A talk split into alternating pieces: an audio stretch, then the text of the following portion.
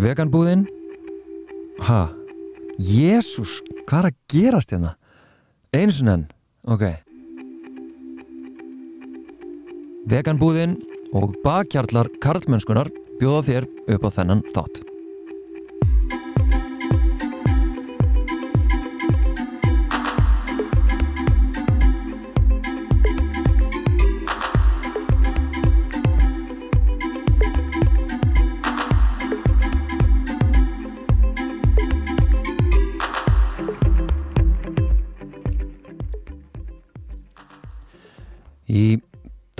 ætlum við að líta yfir árið og draga fram, já, hápunta og lápunta, hvað ávannst í baróttu fyrir jafnrétti og mannréttindum, hvað ekki og hvað tapaðist ef, ef eitthvað og, og hérna svona aðeins að líta yfir árið og kannski aðeins að horfa e, fram í, í, í nýtt ár. En til þess hef ég fengið til mín Mirjam Petru, sérfræðing hjá Rannís og inngildingar fulltrúa landskrifstofu í Rasmus Plus og fyrirlesara um rasisma og menningar fordóma og sólegu Tómasdóttur, jafnbrettis og fjölbreyti leika fræðing. Velkomnar báðar. Takk fyrir. fyrir. Eh, hvernig eru þið stemdar í dag? Bara, bara fín sko. Svona jóla, smá jóla. Smá jóla. Já, ég ætla nú að vona það því að þegar þetta er gefið út að þá sko eru jólinn búinn og, og áramótin eru bara að fara að koma þannig að þú veist, því að þetta er bara að komna í svaka áramótafíling. Svakalegum áramótafíling Það er eins og þú spyrði okkur ekki hvað við fengum í jólagjöf. Já, um mitt, að því að við erum að taka þetta upp hérna aðeins fyrir jól við erum aðeins að vinna okkur inn í hægin eða ég, en hérna við ætlum að gera upp árið. Um, Soli, hvernig ert þú annars? Þú ert náttúrulega býrið í Hollandi en ert eiginlega alltaf á Íslandi. Þú veist hvað, hattar Holland? Nei, ég elska Holland og ég elska Ísland og ég ber eiginlega einn prívat og persónlega ábyrð á lottslagsvandanum með öllum þessum flugferðum. Já, takk fyrir það. Já, ég er Mhm. með þér þar. Já, já, gott. En hérna, nei, ég er bara rosalega vel stemt eftir árið. Ég er bara ánað með þetta ár að lang flestu leitu. Þetta er fullt af einhverju hræðilegu sem hefur gerst bara svona almennt í samfélaginu og heiminum. Já. En uh, persónlega er ég mjög glöð. Já, hvernig fór árið með þig persónulega? Og ef að byrja þar kannski, hérna, ger upp árið svona persónulega, því að ég menna þið eru náttúrulega í, í baróttunni og það sem að gerist fyrir ykkur persónulega getur náttúrulega að lita ykkar baróttu og hvernig þið eru stemdar og svona. Þannig að, ef að byrja þér svolítið, hvernig, hvað gerðist á þessu ári og hvað, hvernig kemur undan því? Um, sko, persónlega, sko, ég á rosalega erfitt með að aðskilja persónlegt og pólitíst eins og svo mörg okkar. Já, uh, og ég er svo, það er svo mikil pólitík í mér, ég er, það, hún er einhvern veginn svo rosalega stór hluti af minni, mínu persónulega lífi. Að hérna uh, það, sko ég hef verið að vinna mjög mikið einhvern veginn með sjálfa mig og, og, og svona einhvern veginn það hvernig ég get haft áhrif. Og mér finnst ég hafa bara einhvern veginn verið að vaksa svo mikið uh, hvað það varðar um, þurfum við skoðum bara svona, já, að feministk áhrif og hvernig ég get einhvern veginn komið meiru til leiðar og mér finnst það hafa bara gengið mjög vel á árinu ok. Eitthvað sérstætt sem vil tiltaka, þú talar um eitthvað svona lærdóm og eitthvað þannig?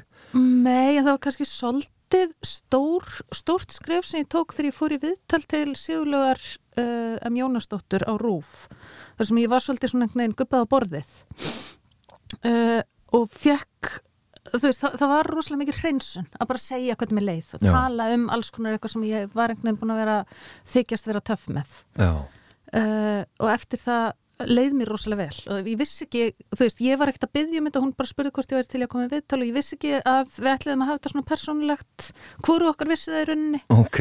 svo bara gerðist það, ég fann bara allt í einu var ég tilbúin bara í upptöku Já, er það? Já. Þetta var ekki planað, þú Nei. ætlar alveg að æla á borðið, Nei, nei, eins og nei. þú segir. Nei. Og meiri segja sko var þetta, gerðist þetta, þú veist, ég var með eitthvað rosalegt prógram eins og ég er alltaf með á Íslandi og, og hérna uh, mæti þarna einhvern veginn á milli einhverja annara atriða og mundi bara eiginlega ekki neitt hvað ég hefði sagt. Þannig að þátturinn kom mér svolítið óvart. Já, áhugavert. Já, Ok, en, hérna, en þetta var bara uh, þetta var svolítið stort skref. Mm. uh, svo annað sem að er auðvitað líka pólitíst en mjög persónulegt og það er að bæði börnin mín eru flutta heiman. Já, uh, og það er rosalega skrítið að ég reyndar, sko, svona minn flutta heimann eftir að ég fór til Íslands núna en ég er í smá afnetun, en maðurinn minn segir þetta sem mjög erfitt, Já, já, hann er einn heima einmitt. og hérna, Á jólunum þá? nei, nei, svo koma þau Já. að hingað og eitthvað og svo eru þau náttúrulega alltaf heima þó þessu flutta heimann Já, en hérna mm, það er samt rosalega stórt skref að vera bara orðin miðaldra empty nest, hvað heitir þetta? eitthvað, svona gammalt fólk basically, Já, einmitt. það verður spennandi að sjá hvað þau gerum með það Einmitt. En hérna, bara fyrir þau sem að kannski mun ekki eftir þessu viðtali hjá Sigurlega, þá í rauninni varstu að lýsa því meðal annars uh, í rauninni afleiðingum þinnar pólitísku þáttöku og hérna, og svona, og þú sért í rauninni ennþá að vinna bara úr því.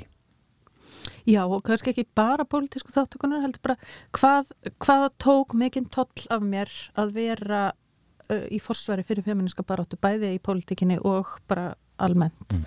Og auðvitað er ég ekki svo eina, ég var bara tilbúin til að segja mína sögu þarna. Mm. Og svolítið skrítið, ég sá uh, viðtal við steininni Val, nei, það var viðtal við steininni Valdísi fyrir fimm árum síðan. Og ég sá á Facebook, ég fekk svona minningu uh, að ég hafi skrifað um það og þegar hún fyrir þetta við tala og er að tala um hvað henni hafi, hafi reynst þetta erfitt að þá uh, tristi ég, ég setti á Facebook og ég tristi mér ekki til þess að horfa á þetta viðtal að því að ég væri bara áfallstreitur og sko þetta væri bara, ég, ég um, hérna það tók mig fimm ár að vinna úr því, það var ekki fyrir fimm árum setna sem ég var tilbúin að segja mína sögu Já, einmitt.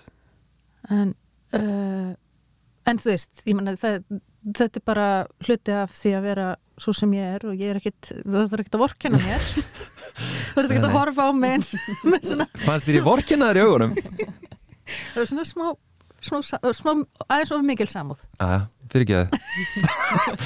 en Mirjam, hvað hérna, færum okkur frá sóli og, og hérna, hva, hvernig fór árið með þig?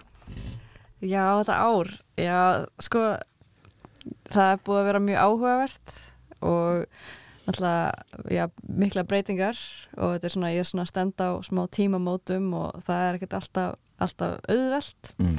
en svona líka alveg skemmtilegt ár, þú veist, í, í vinnunni að þá er ég alltaf einu farin að gera miklu meira. Ég byrjaði að vinna miðið COVID og var bara svona einhverju fjárvinnu og hitt ekki samstagsfólk mitt fyrstu mánuðina. Fannst vinnan mín samt geðið skemmtileg. En svo er hún alltaf núna orðin ógstlega lifandi og ennþá meira dýnamísk. Þannig að þetta ár hefur verið svona rosalegt, sko, bara svona svolítið ég, að- ég kapplöpið við tíman, sko, að reyna að gera allt sem ég ætlaði mér að gera því að ég er vön því að vera bara ein við tölvuna, sko. Mm.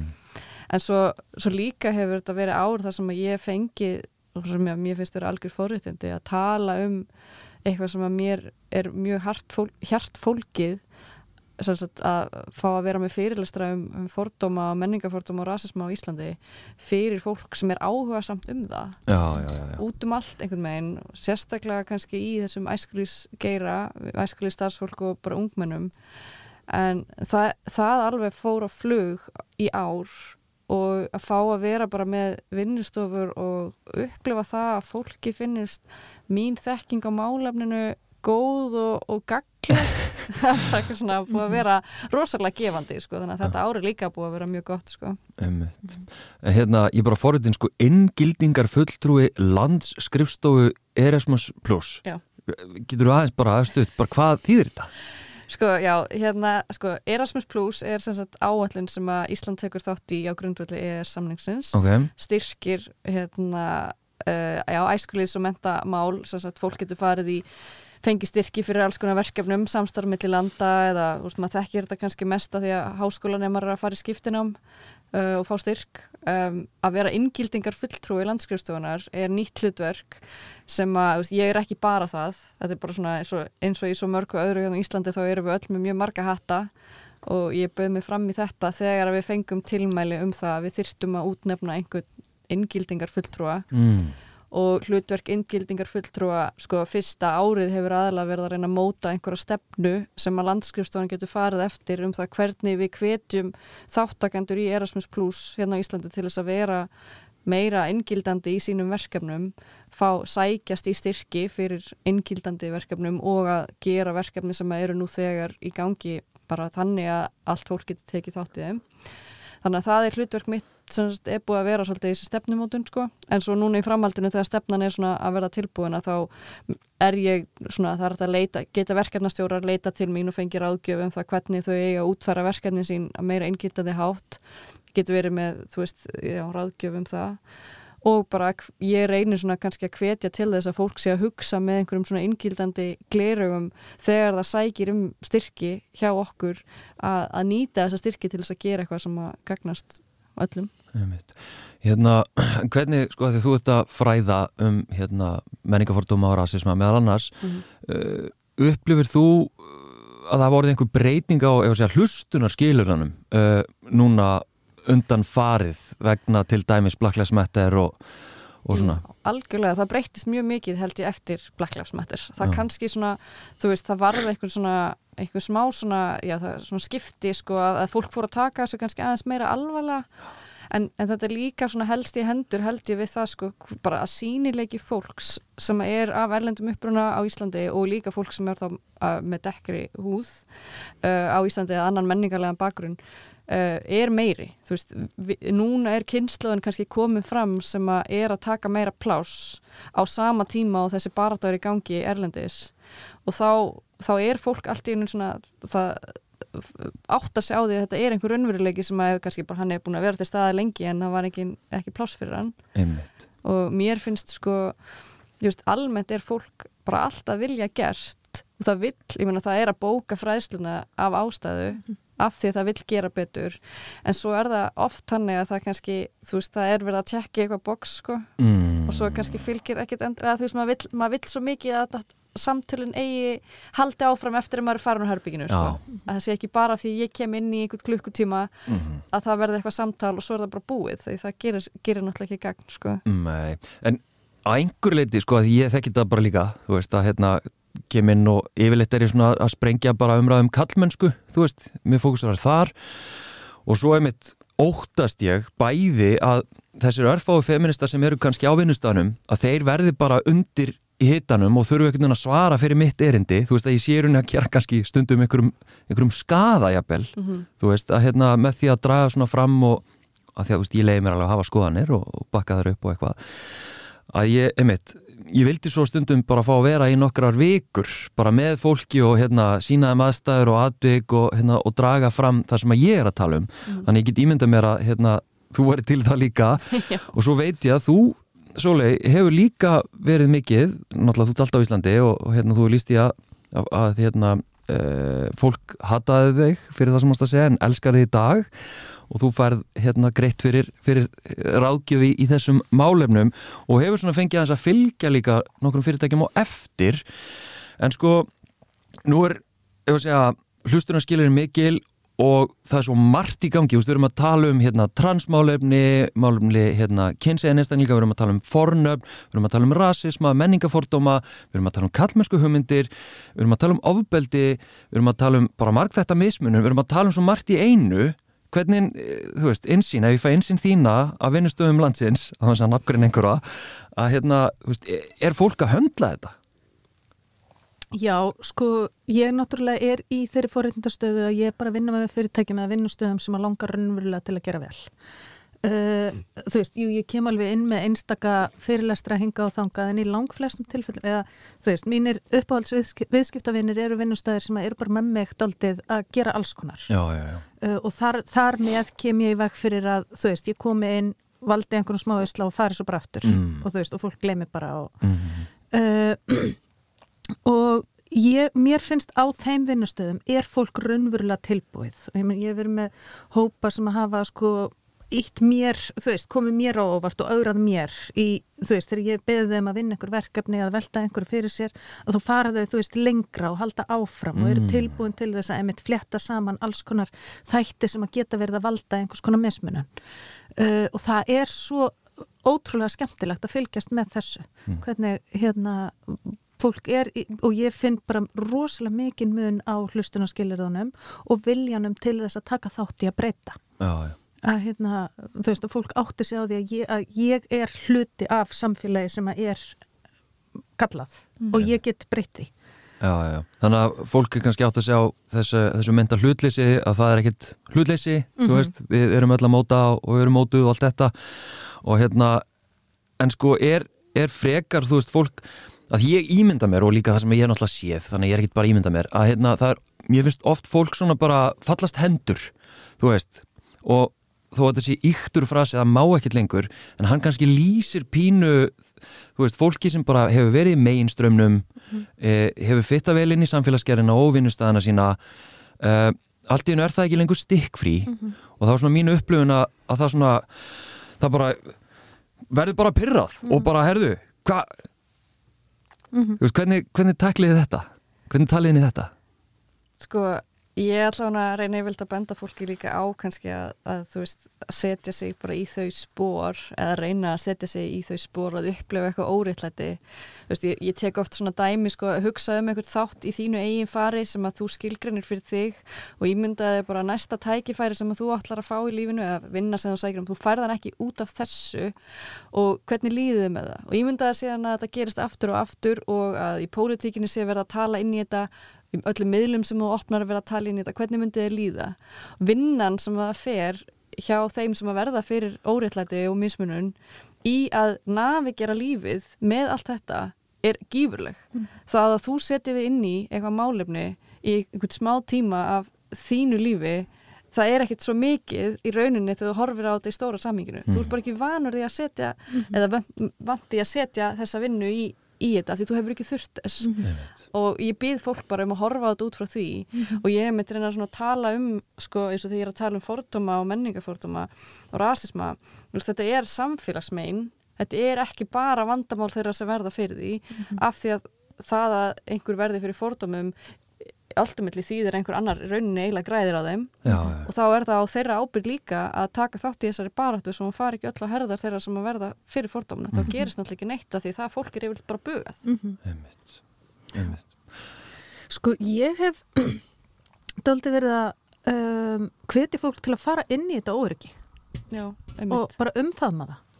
Af því að uh, við erum á tímum breytinga bæði eftir Black Lives Matter, eftir Me Too uh, það eru alls konar hópar sem hafa verið að stiga fram og tapukonur hafa verið að gera kraftaverk, það eru alls konar jaðarsettir hópar, samtökum líkamsvirðingu uh, sem hafa verið að vekja fólk til umhugsunar um misrétti, bara kerfisbundi misrétti sem er í samfélaginu.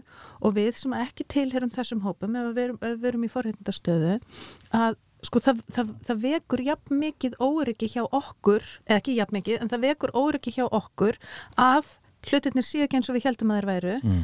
Uh, vegna þess að það er hugrátt fólk sem er tilbúið til þess að benda okkur á það. Og þetta, það er bara svona sem að mannréttindi hafa þróast í gegnum tíðina. Hlutir sem okkur þykja sjálfsæðir í dag, bara að við séum ekki til í að hafa kynbundur launamenn, þú sem ekki ennþá búin að finna út hvernig við ætlum út í múnum Mm. uh, og að nöðgarnir séu bannaðar og eitthvað svona, þú veist, það eru ákveðin prinsip sem að við erum bara með konsensus um í samfélaginu. Þetta var ekkert svona. Það var eitthvað fólk sem hafði hugrekki og kjark og þrautsegu til þess að beita sér fyrir því að fræða okkur hinn um að þetta væri ósangjant og þannig skapaðist á endanum komst eitthvað jafnvægi á. En núna eru við í miklu ójafvægi bara sem samfélag af því að það er svo mikið, við erum að læra svo mikið bæði út frá forrindastöðu okkar og svo ef við erum jaðarsetta þá erum við að hérna, reyna að beita okkur fyrir þannig að það er bara ójafvegi, við tökum bara me too uh, öryggið sem að kallar hafa búið við bara og haldið að það væri einhverja reglur sem að mætti fylgja konur eru búinar að varpa því óryggi sem að það olli yfir á samfélagið Það er ekki lengur til í að taka bara óryggið og hafa það einar hjá sér. Það eru bara búin að segja nefn við viljum þetta ekki. Hvaða lausnir? Ég veit það ekki. Það er við finnum þær í sammenningu. Það er ekki mitt að koma með lausnina. Það er bara samfélagsins að finna út nýjar samfélagsreglur. Og við erum bara rétt að byrja þar. Ég meina, við erum ekki búin með kynböndu launamunin sem var samt bannaður þú veist 1950 eða eitthvað. En þetta mun taka tíma, en þetta er okkar allra að finna út úr því. Einmitt. Sko, ef við förum aðeins inn í bara að reyna að gera upp, þú veist, eins og þetta ár, hérna 2022 og hérna svona einmitt, við erum aðeins búin að snerta á hvað þið hafa verið að fástuð og gera og svona ykkar sjóna með svona smá bara. Og ég er svona að hugsa bara með sjálfu mér að, uh, þú veist, var þetta ár, uh, ég meina, uh, svona úrvinnslu ár allra þessara byltinga síðustu ára, uh, af því að, jújú, jú, það er kannski uh, ákveðin risastór skadleg kallmennska sem að spratt fram á þessu ári, stríðið, hérna, þegar rúsar ákveðar áðast inn í Úgrænu, það náttúrulega gerist á þessu ári, en, en er eitthvað svona annað stórt sem að gerðist á þessu ári sem að markaði, já, ef að segja okkar samfélag og, og hérna, og líf okkar? Sko ég hugsa ekki um einhvern stóran viðburð, heldur freka bara miklu meiri sínileika á alls konar óriðlæti í bara hverstagslegu óriðlæti eða þú veist lagalegu óriðlæti, dómskerfinu, hvernig það tekur á kynfyrirsbrótamálum, við erum að fá bara miklu meiri, einhvern veginn haldbarari dæmi um að kerfið sé óslag gallað. Mm. Og að fá þessi dæmi er svo gaglegt af því að hinga til hefur þetta kannski bara verið, hafa verið einstakar rattir sem er að segja að þetta sé gallað en, en það er svo auðvelt fyrir samfélagið að vera bara nei, er það samt hannig mm -hmm. þanga til allt í einu núna finnst mér það er svo mikla sannanir fyrir því þetta er bara meinn gallað og við búum ekkert endilega í þessari jafnbreyttis paradís sem við hefum talið okkur búa í mm -hmm. mér það svona kannski hafa staðið upp úr það þetta svona hafi bara svolítið svona, ekki, svona allt komið einhvern veginn svona einu stóru flóði, ég veit það ekki já, já. já, en það er líka þannig að sko eftir því sem að uh, hópum gengur betur að hérna, þú veist, þetta vinnur allt saman nefnilega, það er mm. oft verið að tala um að sé verið að etja hópum saman og þú veist, ef þú ætlar, og, ég er oft spurðaði sko, þykist vera fjölbreytilega fræðingur sem ég náttúrulega eiginlega þykist vera eða þú veist, er, ég veit ekki hvort það er hægt að vera einhvern veginn útlærði fjölbreytilega fræði og sérstaklega ekki í samfélagi þar sem við vitum ekki um helmingin af misréttinu sem er í gangi, það er bara fullt af fólki sem er eftir að finna kjarkinn til þess að stiga fram og segja okkur frá. Að hérna þá er, þá er ég samt oft spurð þú veist, og hvaða hópa velur þá takk inn? Hvaða hópa eru það þá sem að og ég, en, en þú veist, það er ekki mitt að velja og það er ein, einskis að velja. Mm -hmm. Það er bara samfélagið, það er, marg, það er marglaga valdakerfi sem að býr til fórréttandi fyrir sumahópa eða fyrir aðlega einn hóp og jaðar, jaðarsetur eða býr til hindranir fyrir aðra hópa á sama tíma mm.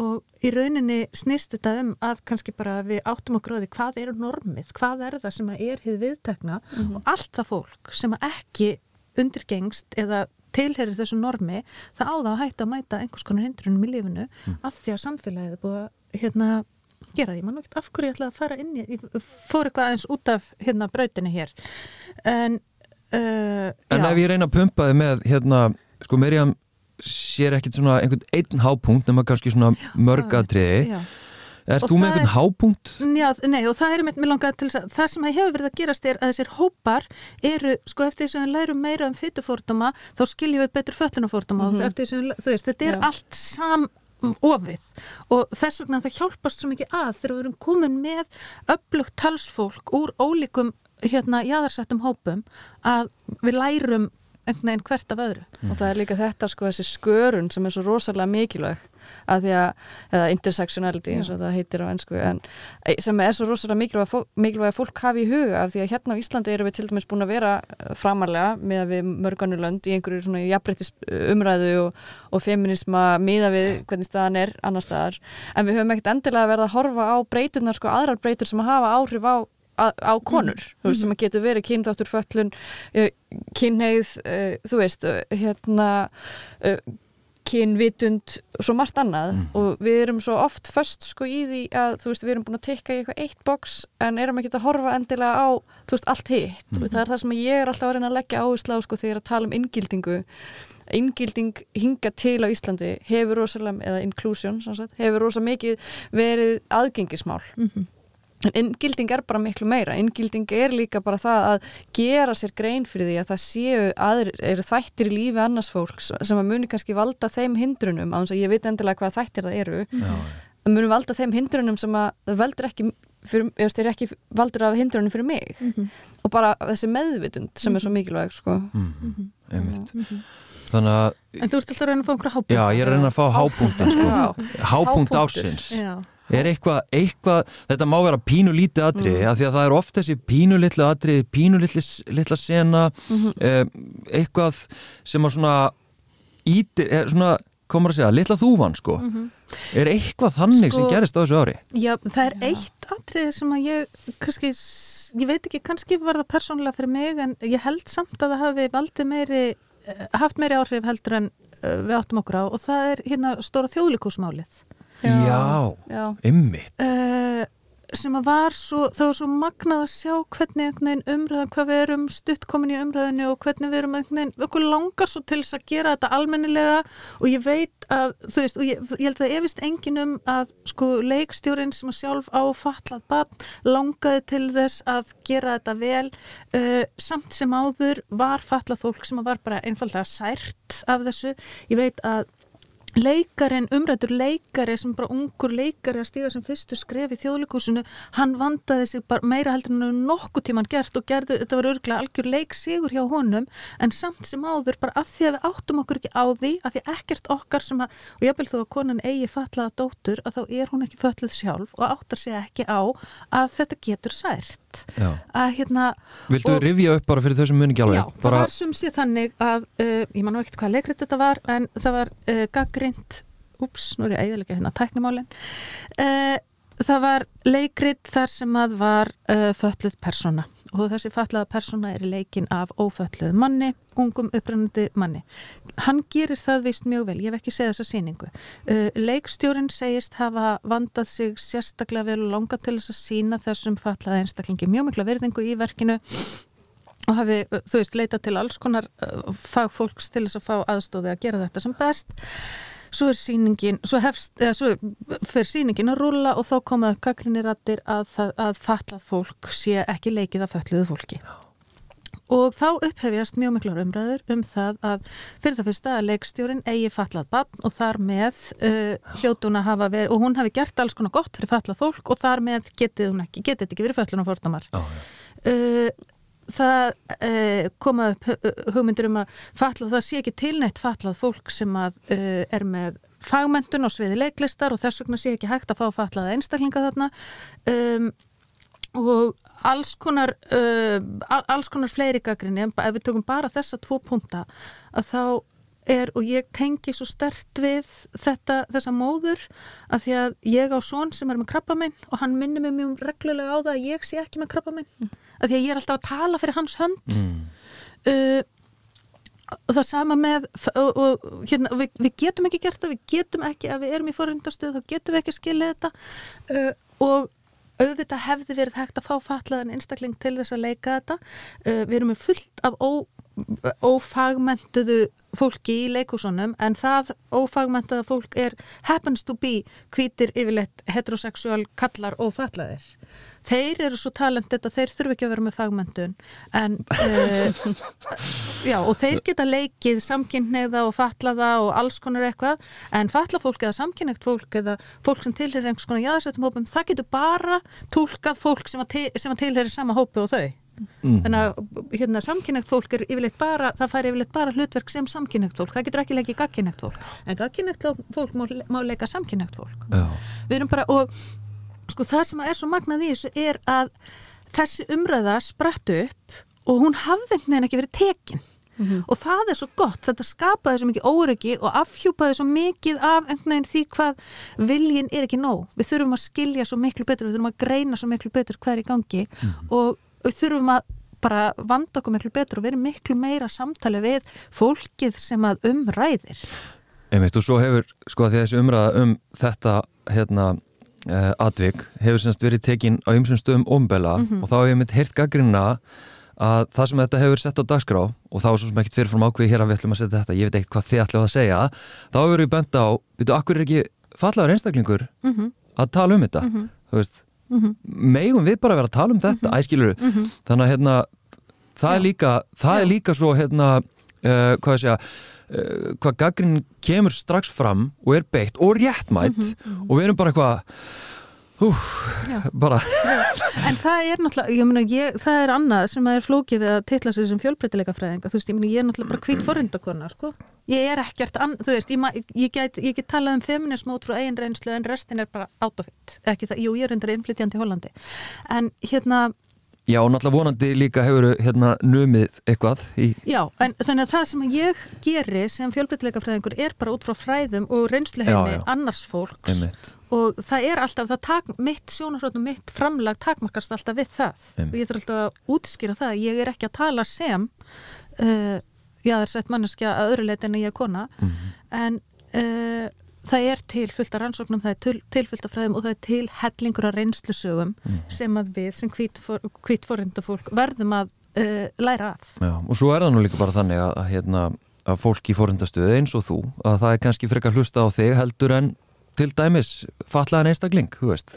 Bara þegar einstaklingar eru ólíkleri til þess að fá þau tækifæri sem að til dæmis þú færð og, og ég þá líka, Já. ég menna alls konar tækifæri sem ég fæ bara fyrir það að vera ég. Óháð hvað ég veit að hérna eh, hvað ég segja, tækifæri til þess að sína það hvað ég veit og hvað ég get þú veist, ég er kannski líklegri en önnur til þess að sína fram á það. En, en lágpunktur, Mirjam hérna, það er engin hápunktur endilega en er einhver svona lágpunktur bara shit eitthvað Já, ásins sko fyrir mig er það náttúrulega þetta síendur takna hjakki þessu útlendingafrumvarpi sem er bara uh, er algjör lágpuntur uh, Mm. og þú veist brottvísanirnar uh, sem einmitt mér fannst rosalega áhugavert sko fjölmiðla aðteglinn sem þessar brottvísanir fá sérstaklega af því þar er fallaðar einstaklingur um, allt í einu grípur þetta miklu meira Vi, við erum búin að vera að senda fólk í skjóli nætur úr landi í mjög langan tíma sem að hafa líka sko búið við alls konar kvilla við erum með andlega veikindi eða með aðra lík, önnu líkamleg veikindi sko eða fallanir sem eru kannski ekki eins sjáanlegar og þegar maðurinn er í hjólastól Mm. að nota hjólastól og, og, og ég er búin að vera að fylgjast með því öllu ótrúlega lengi og veist, og upplifi alltaf bara svona bara nýstir hjarta mitt hvers skipti sem að við tökum þessar ákvarðanir sérstaklega í ljósi aðstæðna núna að vera að endur senda fólk til Greikland þar sem að öll önnur lönd eru bara búin að taka það af. Og við einhvern veginn réttlætum það með einhverjum, einhverjum absúrt, einhverjum svona að það sé nú bara allt í lægi ástandi þar. Meina það er eitt að fara sem Íslendingur í eitthvað forréttinda frí til Greiklands og vera bara að að næst veður og gegja maturina og ætla að fara síðan og búa á götunni þar og hafa ekkert og hafa enga pappira, ekki aðgengja heilbriðstjónustu og okkur finnst þetta bara, eða þú veist mér, ég held að mörgum okkar finnst þetta ekki í lægi en ó, þú veist, Íslenska ríkinu greinlega finnst þetta bara í lægi og svo á að þrengja sko, að, að horfa á umræðuna þú veist, ég hef séð sko þú veist, ég hef séð líka bara hvernig þessi umræða um útlendingafrumvarpið og þessar réttlætingar á því hvers vegna við þurfum að gera þetta byrja að byrtast einhvern veginn aftur úti í kommentum og hegðun annara.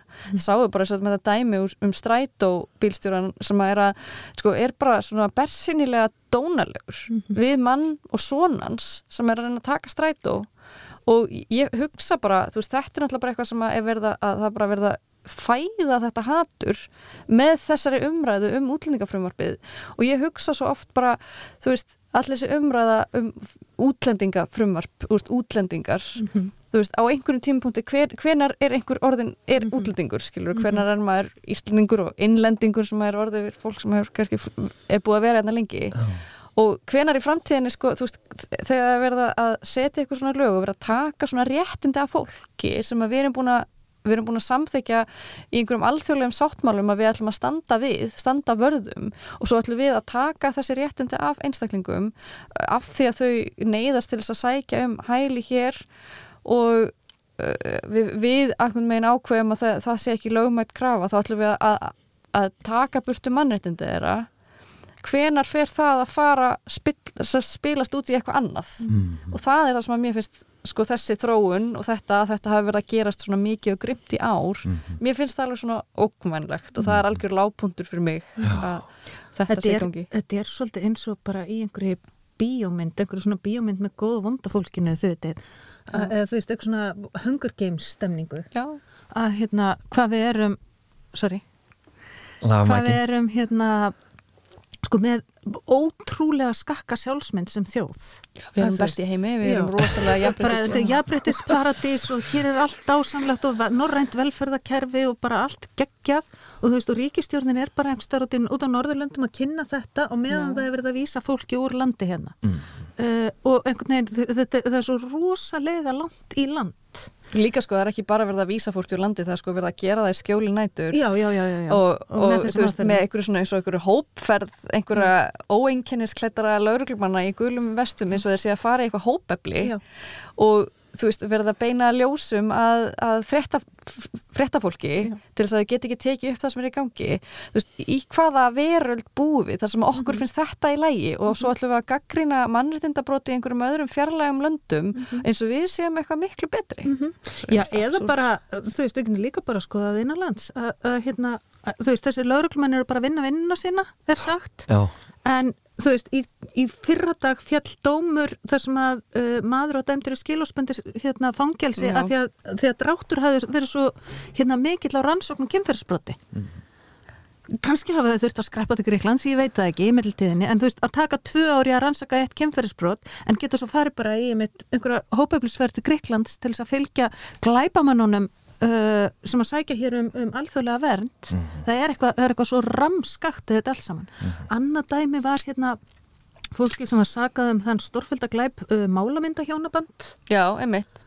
Að sko ég fóra eins í laugin þar, mér finnst það ótrúlega magnað að fylgjast með því, laugin lögum hjúskap, já. já lögum hjúskap eru sem sagt, þú veist, þú mátt ekki vera blóðtengt, þið með ekki vera blóðtengt með þurfið að vera skilin ef þið hafa verið í öðru, þið þurfið að vera for, hérna fjára, það er eitthvað svona bara algjör grunnprinsip ok. um hjúskap.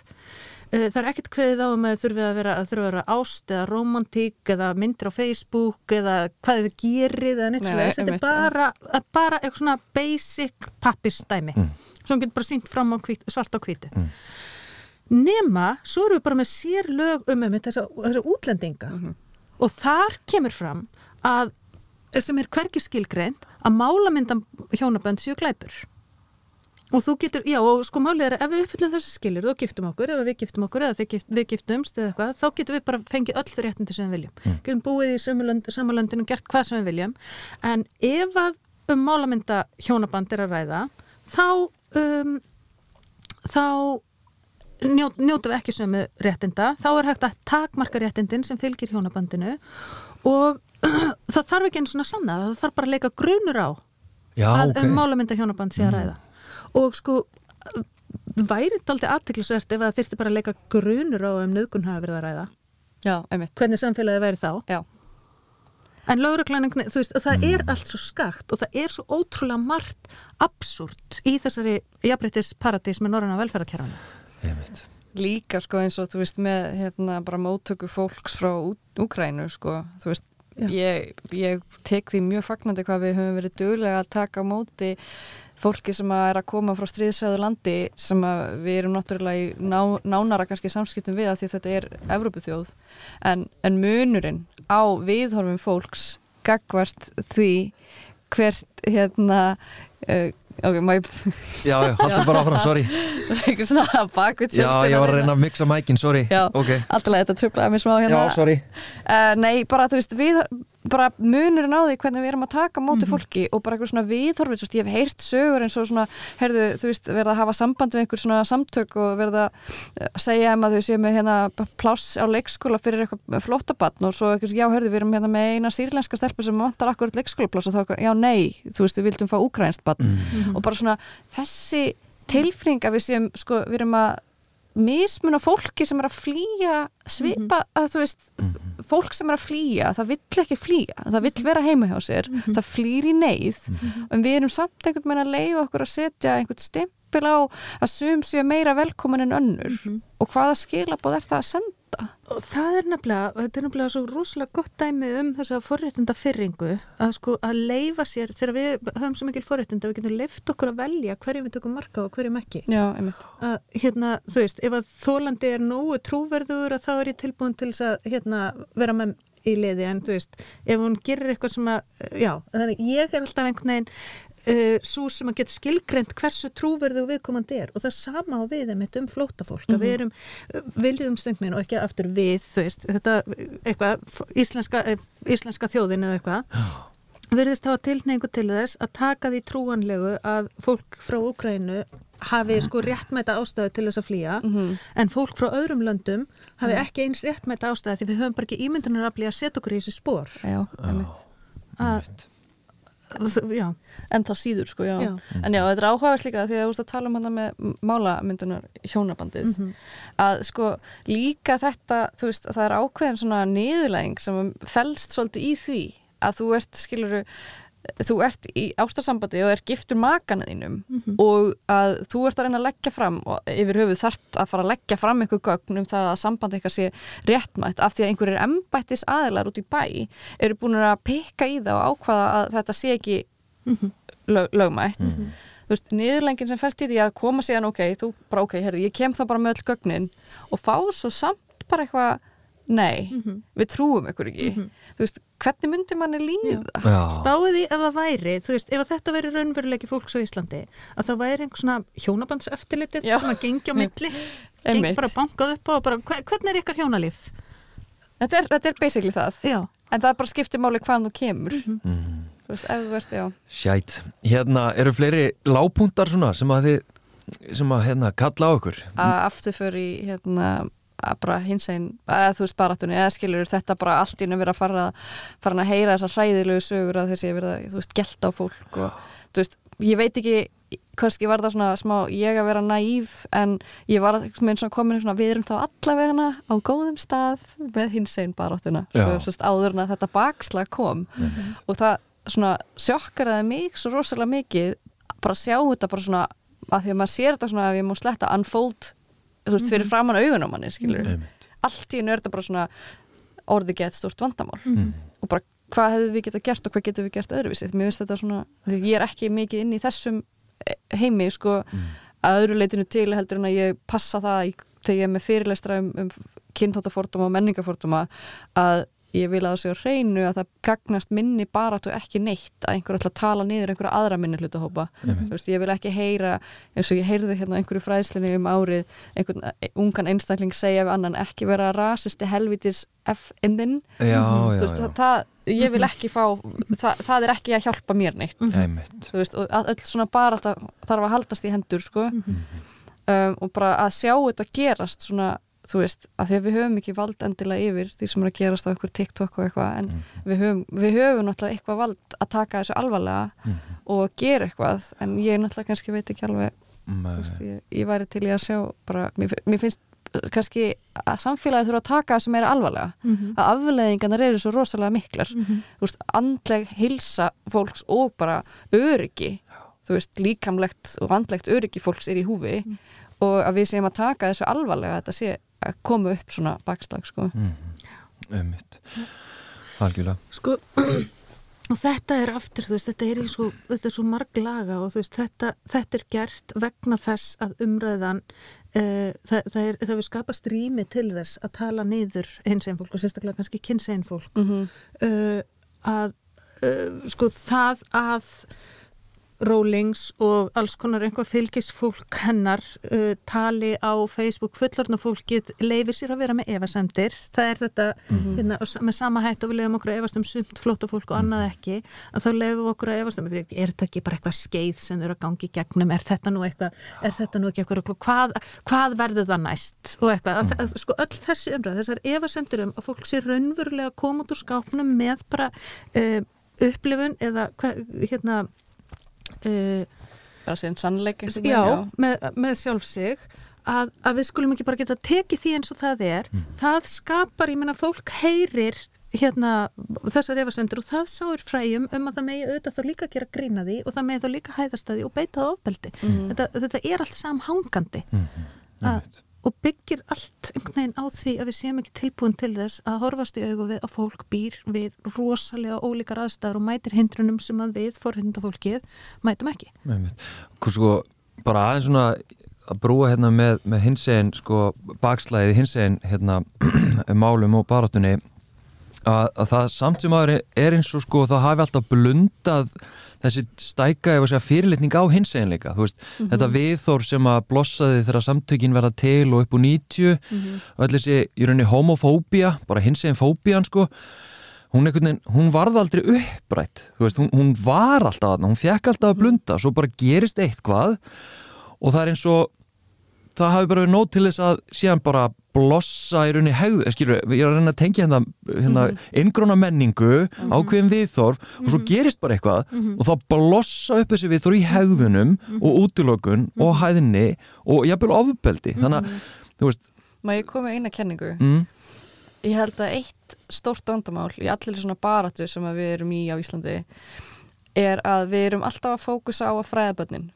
Mhm. svo fara börnin heim til sín og fá bara einhverjar alltaf að skoður heima á sér við erum ekkert endilega að tækla rót vandamálsins sem er einhvers konar fræðsla fyrir fullorði fólk. Bara fyrir bara hvaða fólk sem er út í bæ sem eru ekki börn eða úlingar ég mitt bara fólki sem að bera ábyrða á börnunum fólki sem er að kenna börnunum fólki sem er í valdastöðum í samfélaginu.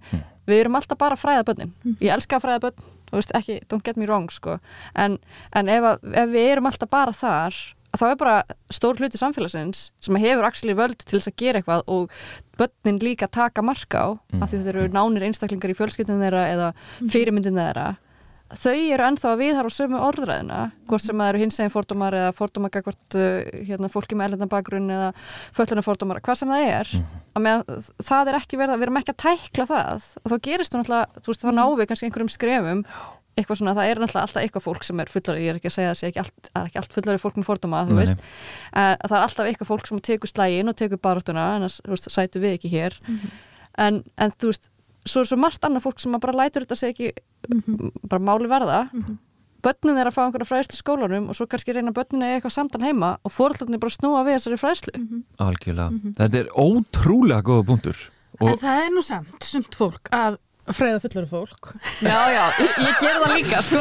ég ger það líka en það, en þú veist, en svo er þetta bara ennþá flóknara heldur en þetta, af því að þetta sko, og það er alltaf svo auðvelt að segja bara að það bara fræða börn- börnin betur, eða það bara að tala við stjórnendur eða það er bara að tala við fólki sem er að vinna í þessu eða það bara að tala við fjölmila, eða það bara að tala við tónlistafólk og það bara, við þurfum að gera þetta allt það Já. er bara eins og Þorkir Einarsdóttir sa- byrjar námskeiðin sín eða gerði þegar ég var síðast og byrjaði að spyrja bara hvað getur við gert og allir réttu pönd, öll réttu pönd bara hvað, hérna, ég er með hugmynd og ég er með hugmynd og það er bara fullt af alls konar hugmyndum allt frá Molotov koktelum yfir í bara einhverjar prúðar greinar.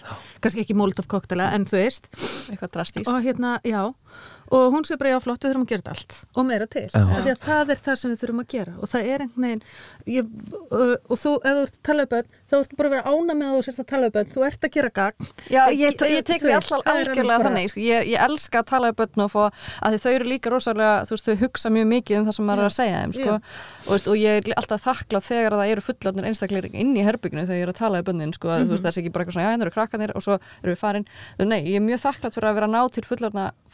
já, en ég er samt ofta að ná bara til mjög takmarkas hóps fullorðins fólks og oft þarf maður líka taka umræðan aðeins öðruvísi við fullorðna og maður tekur upp börn. Ég er ekki með nákvæmlega sömu flóknu glærurnar fyrir krakka og ég er með fyrir fullorðna og þú veist, ég kannski fer aðeins dýbra í, þú veist, ég ætla heldur ekki að fara að tala við hópa börnum og mála upp sko einhverja hræðilega mynda fordómu þegar það eru kannski litli krakkar í hópnum sem eru að upplifa fordóma. Þú veist, ég þarf að, það þarf að koma þess aðeins öðruvísi en það væri líka mjög gaglegt ef að úti í samfélaginu þá væri kannski bara, þú veist, ef við ættum einhverja veist, einhverja góða þætti eða kvikmyndir eða eitthvað sem að ómeðvitað, ég er ekkert að segja að kvikmyndir þurfa að vera eitthvað um fordóma en að við værum að tækla þetta og sína hennan raunveruleika þannig að hann fari inn í einhverja mainstream hugsun sko. það er það sem ég er að meina, ég er ekki að tala um að þú veist, Já. yeah. þú veist auðvitað er við þurfum að gera þetta allt sko. og ég er að hugsa, það sem ég var að meina var meira að þú veist, fókusin líka bara hjá eins og hjá ríkinu þú veist, þegar ríkið er að veita einhverju fjármagni í einhverju fræðslu, þá er það yfirleitt hugsað sem fræðsla fyrir börn sko. Það er aðeins að breytast, ég finna til dæmis að það er áhug hjá borginni og eitthvað svona til þess að vera að fræða starfsfólki sitt. En það er, líka, er það ekki bara fyrst núna? Já, ég, mun, ég, hef, ég er búin að vera í fjögur ár núna með ólíkum vinnustöðum, alls konar vinnustöðum. Uh, og það, það bara er að aukast og aukast og aukast að fólk, en þá er ég svo sem, ég, ég meina ég er að fókusera á vinnustöða menninguna en fólk auðvitað tekur það með sér heim. já, já. En bara, mér langar bara að grípa sko þennan punkt, ég, að því að ég náttúrulega byrjaði, veist, ég var í félagsmyndstöðgeranum og hérna, og þar að lendi með tengslinni í skóla og félagsmyndstur og byrja í rauninni mína fræðslu um kallmennsku hugmyndir þar inni, gerir það einhver fjögur ár og ég fann alltaf, ó, mér vantar svo að tala við foreldrana, þú veist, mér vantar já. svo að hitta fullorðna fólkið, að því að mér fannst ég bara einmitt vera svona ákveðið stopp, sko, já. þess vegna tekið svona geðveikt undir þennan punkt með við þurfum að fræða fullorðna fólki líka og auðvitað tekið undir með þér svolei en, en hérna, það er bara þessi einmitt, mainströmmurinn, það er þessi pressa þú veist, við setjum ákveðna kröfu og pressu á, á hérna, kennarastjættina sem er náttúrulega meðinu til konur um einhvern veginn að gera þetta betur og laga kerfið og allt þetta, hugsa um strákan okkar, allt þetta. Uh, við setjum kröfuna þangað Þannig að pressan er einhvern veginn á, á börnin að, að hérna, betri eitthvað nýju kynnslóðun sem kemur sjálfkvæða með jafnbryttið, pressan er þar uh, en pressan þarf að verða samfélagsleg líka á fullorna og þú veist, það er ákveðin pressa sem að hefur náðst í gegn, gegnum hérna, byltingar hvenna um ofbeldi. Þú veist, það er að verða ákveðin samfélagslega pressa þar. Við kannski höfum ekki náð þessari pressu hvað var þar eh, hérna eh, mögulega höfum ekki náð þessari pressu hvað var þar hinsegin fólk, föllunafórdóma jafnvel ekki einu svona rasisma. Þú veist, þessi pressa, þessi mainströms pressa á tiltekna hluti sem að meðal annars við öll störfum við að tala um. Það er kannski það sem ég tek undir að pressan þarf að vera ekki bara á börnin hún þarf að vera á okkur öll og við þurfum öll að axla ábyrgð það er það sem ég vildi koma að þér en það er náttúrulega það sem aktivismi gengur út á. Aktivismi gengur út á að skapa þessa pressu. Og við erum öll að vinna í aktivisma samhliða fræðslu og alls konar einhverju. Einmitt. Og, og, hérna, og hann hefur náttúrulega skilað okkur gríðarlega miklum árangri Mhm. og mun halda áfram og ég minna þú veist eitt er að við séum eitthvað hérna að vera þesslega proper fræðarar og að vera með eitthvað podcast en þú stelpunir í öfgum og einhverja svona konur sem eru bara búin að vera blóðuðar upp að hand, handakryggum í hræðilegri baráttu. Þær eru að skila alveg hellingi. Mhm.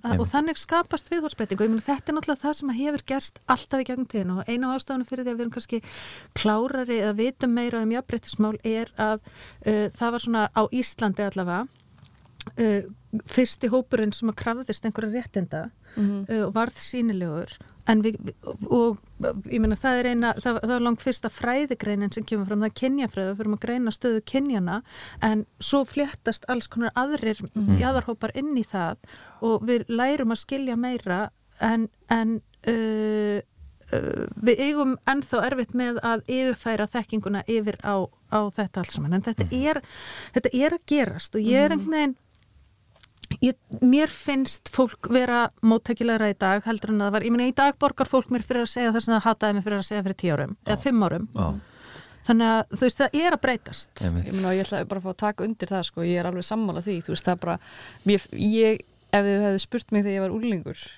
hvort að ég get einhvern tímann farið á staði fyrir framann fullan sala fólki og fengi að tala um þú veist, mína reynslu og í fræðilega þekkingu mína á málefninu, ég hefði bara eitthvað svona hleyjað því, sko, eða þú veist, uh, grátið yfir því, skilur, bara aldrei í lífinu hefði ég getað ímyndað mér það að það væri fólk sem að myndi bara hafa samband við mig að fyrrabræði án þess að það væri sjálft með einhvern erlendan bakgrunn til þess að byggja mig að koma og tala um mína reynslu og fordómum. Já. þú veist, og það eru rosalega forréttindi sem ég er ótrúlega meðvitund um að ég hafi og reynir myndi alltaf að passa að tala bara út frá minni reynslu, ég get ekki tala fyrir hönd fólk sem hefur nýflutt til Íslands. Ég veit ekki hvernig það er að búa hérna og tala ekki íslensku sem móðumál það er líka forréttindi að fólk tekur markaði að því tala lítalega íslensku. En þetta er einmitt það sem að þú veist þetta er búið að breytast svo rosalega mikið. Og ég svona fæ að koma inn í þetta þegar það er, búið, það er annað fólk búið að heia blóðu að baráttu bara, þú veist, vera dreigið niður í svaðið þú veist, áður en að ég kem inn í þetta. Og það er rosalega, ég, veist, ég er ótrúlega þakklátt fyrir það bara dagstaglega að ég búi í samfélagi þar sem að það hafa verið svona sterkir einstaklingar að koma undan mér. Þú veist, og, og skapa þetta rými. Því að núna er fólk allavega viljugt til þess að hlusta og ég er rosa þakklátt fyrir það líka. Við stöndum öll náttúrulega á, á öxlunum á þeim sem á undan okkur komið, það er engin spurning og, og ég stend á öxlum ykkar, það er engin spurning með mín karlægu fóriðindi líka Já, já, en það er, ég bara ég verð að fá að bæta við þessu sem að Ingeborg Solrún talaði um þegar ég var einhvern veginn, ég var með, það voru svona þrjár kynsluður feminista að tala saman uh, það voru öfgar, ég og Ingeborg Solrún og Ingeborg, þetta er tilöfnið af 40 ára ámæli kvennalistans og hún er spurðaði uh, hvort að kvennalistin hafi lagt, áhr, lagt áherslu á kynbundu ofbeldi. Og hún sagði, nei það var bara ekki þannig. Við, ekki það að auðvitað vissum við að þetta var til og auðvitað unnu við gegn, gegn kynbundu ofbeldi eins og við mögulega gátum en það voru engin hlustun á skilirði og við höfðum ekki hugtökin til þess að tala um þetta. Já. það var ekkert til sem hétt kynbundu ofbeldi. Þegar sifja spell uh, nöðganir, þetta voru ekki það, það var, þetta var ekki inn í orðaforða. Nákvæmlega. Einmitt. þannig að þú veist, það er ótrúlega mikið sem hefur breyst og það sem þessar konur hafa gert og þú veist, þær, þá byggu þær bara til fræðigrein og þá byggu þær til uh, atkvör og þær byggu, þú veist, er unnu ótrúlegt verk og svo erum við bara hérna að gera eitthvað að byggja, að byggja á því, en það sem við erum að gera er að við erum að skilgreina alls konar hluti núna sem að ég vona að börnin okkar er þetta að finnast fáránlegt eða barnaböð mm. uh, þegar framísækir mm -hmm. að þú veist þegar framísækir að þá uh, vona ég að, að barnabönnin okkar eftir að hlæja þegar við höfum ekki fengið íslenska málfræði með, með hérna öllum fornöfnum.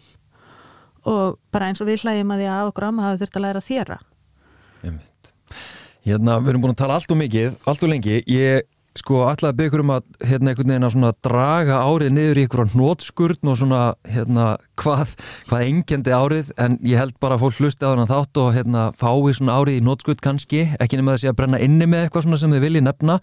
En mér langar að, að byggja ykkur um að setjast í í hefði sífensala völvu sæti og svona horfa e, fram í árið, nýja árið sem er alveg að fara að koma uh, 2023 og svona reyna að spá fyrir um hvað, hvað er að fara að gerast? E, verður eitthvað breakthrough í, í einhverju af þeim álumnum sem við erum að starfa innan eða erum að, að hérna, tala fyrir? E, sjáu þið eitthvað, eitthvað breakthrough, eitthvað gerast? 2023 Feminíska völvan?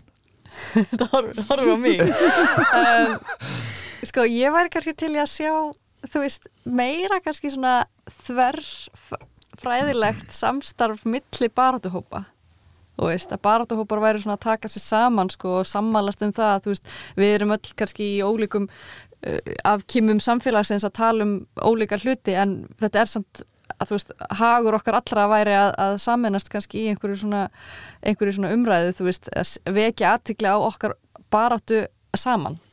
Öll. Og okkur til einhvers konar reglifa samtök. Já. Góð mm. pæling, sko. Ymmiðt. Já, þetta er nú bara jafnvel í okkar höndum. Það getur við. Já, það getur við það. Já, ég, ég er til. Ok. Gekki pæling. Já, völvan er bara í okkar höndum, þannig. Já, já. Svo gott þegar við getum spáð einhverju og látið það og ekki það sannspá.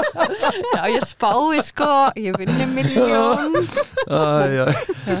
Hérna, ok, hvað segir þú Sólei? Ekkur Já, eitthvað sem ég get látið rætast. Já, eða ekki sko. Uh, nei, ég held, sko ég er náttúrulega svo gömul að uh, ég segi bara þú veist þetta mun mjallast mm -hmm. það mun einhverju kallar vera afhjúpaðir og það mun Jón Gunnarsson mun gera óskunda og Brynja Níelsson mun verjan og ríkistjórnin mun þrauka og þetta verður allt eitthvað svona bara en á meðan erum við sem samfélag að læra og við erum að reyna að gera þetta aðeins betur aktivistarnir er eftir að gera stórkoslega hluti uh, og við þar með við höfum eftir að fræða alls konar fólk mm -hmm. og fá alls konar fólk í lið með okkur. Mm -hmm. og þetta verður aðeins skára þegar við heitum styrna eftir eitt ár. Ekki mikið en aðeins. Aðeins skára Mirjam Petra og Sóli Tómasdóttir, takk hjálpa fyrir spjallið